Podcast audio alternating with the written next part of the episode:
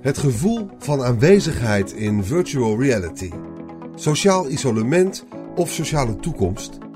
Geschreven door Erik Nusselder voor Laatscherm.nl. Ingesproken door Arjan Lindeboom.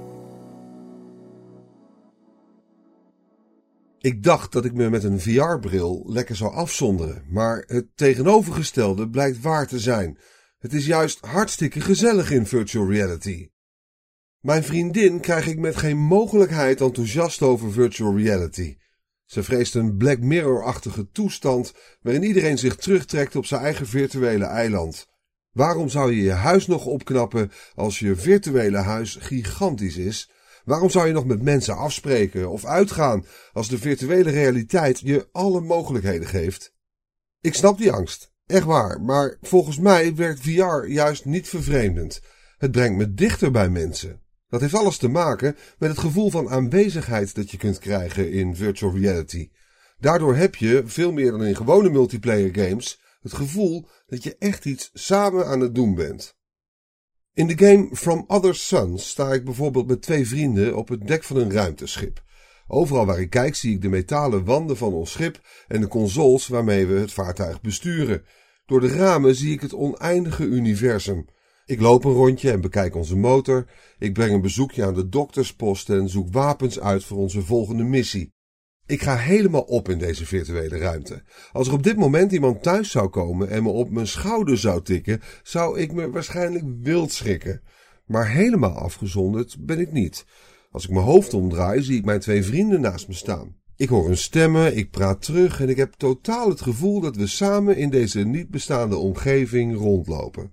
Ik ben niet alleen en afgesloten van de wereld, maar juist heel erg samen met hen.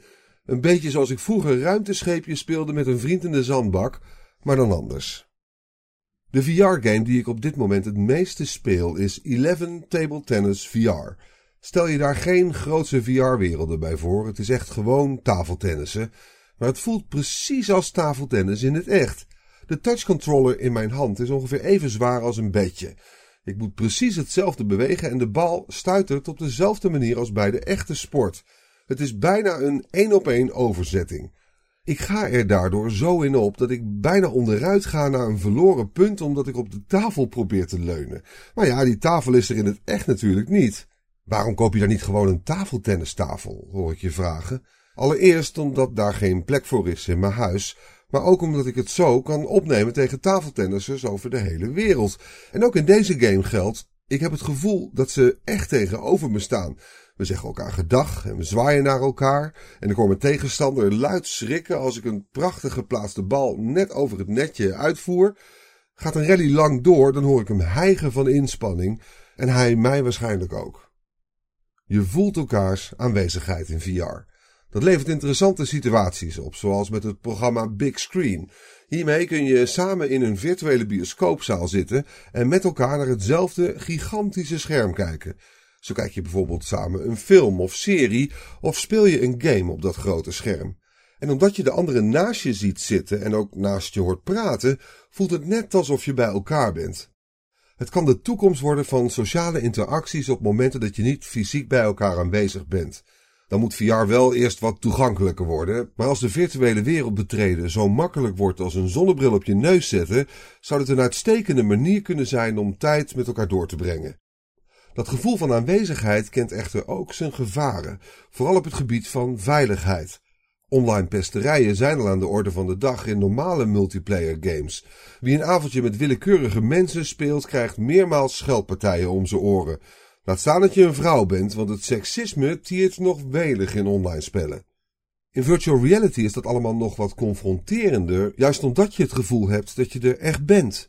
Scheldpartijen zijn tot daaraan toe, maar als iemand iets te dichtbij komt staan, voelt dat in VR net zo ongemakkelijk als in het echt.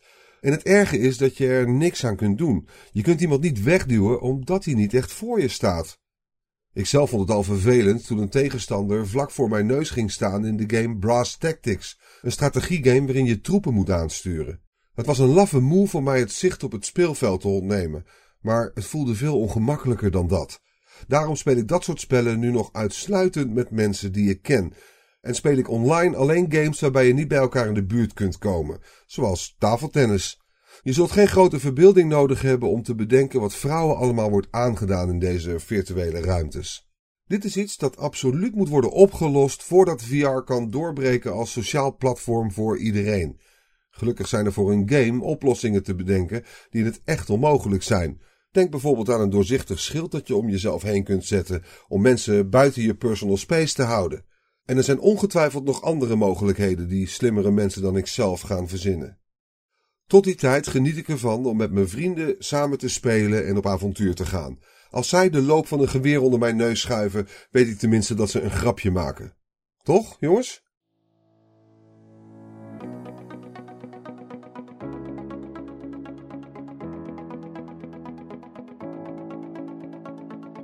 Dankjewel voor het luisteren naar deze aflevering van Laatscherm voorgelezen. Als je waardeert wat we hier doen, dan zouden we het leuk vinden als je iemand anders vertelt over laatscherm.nl of een van onze verhalen deelt op social media. Je kunt ook heel eenvoudig 5 sterren achterlaten in de podcast-app van Apple en eventueel een recensie, waardoor we weer beter vindbaar worden voor anderen. Luister ook naar onze andere maandelijkse podcast Praatscherm en ga voor meer verhalen, geschreven of gesproken, naar laatscherm.nl.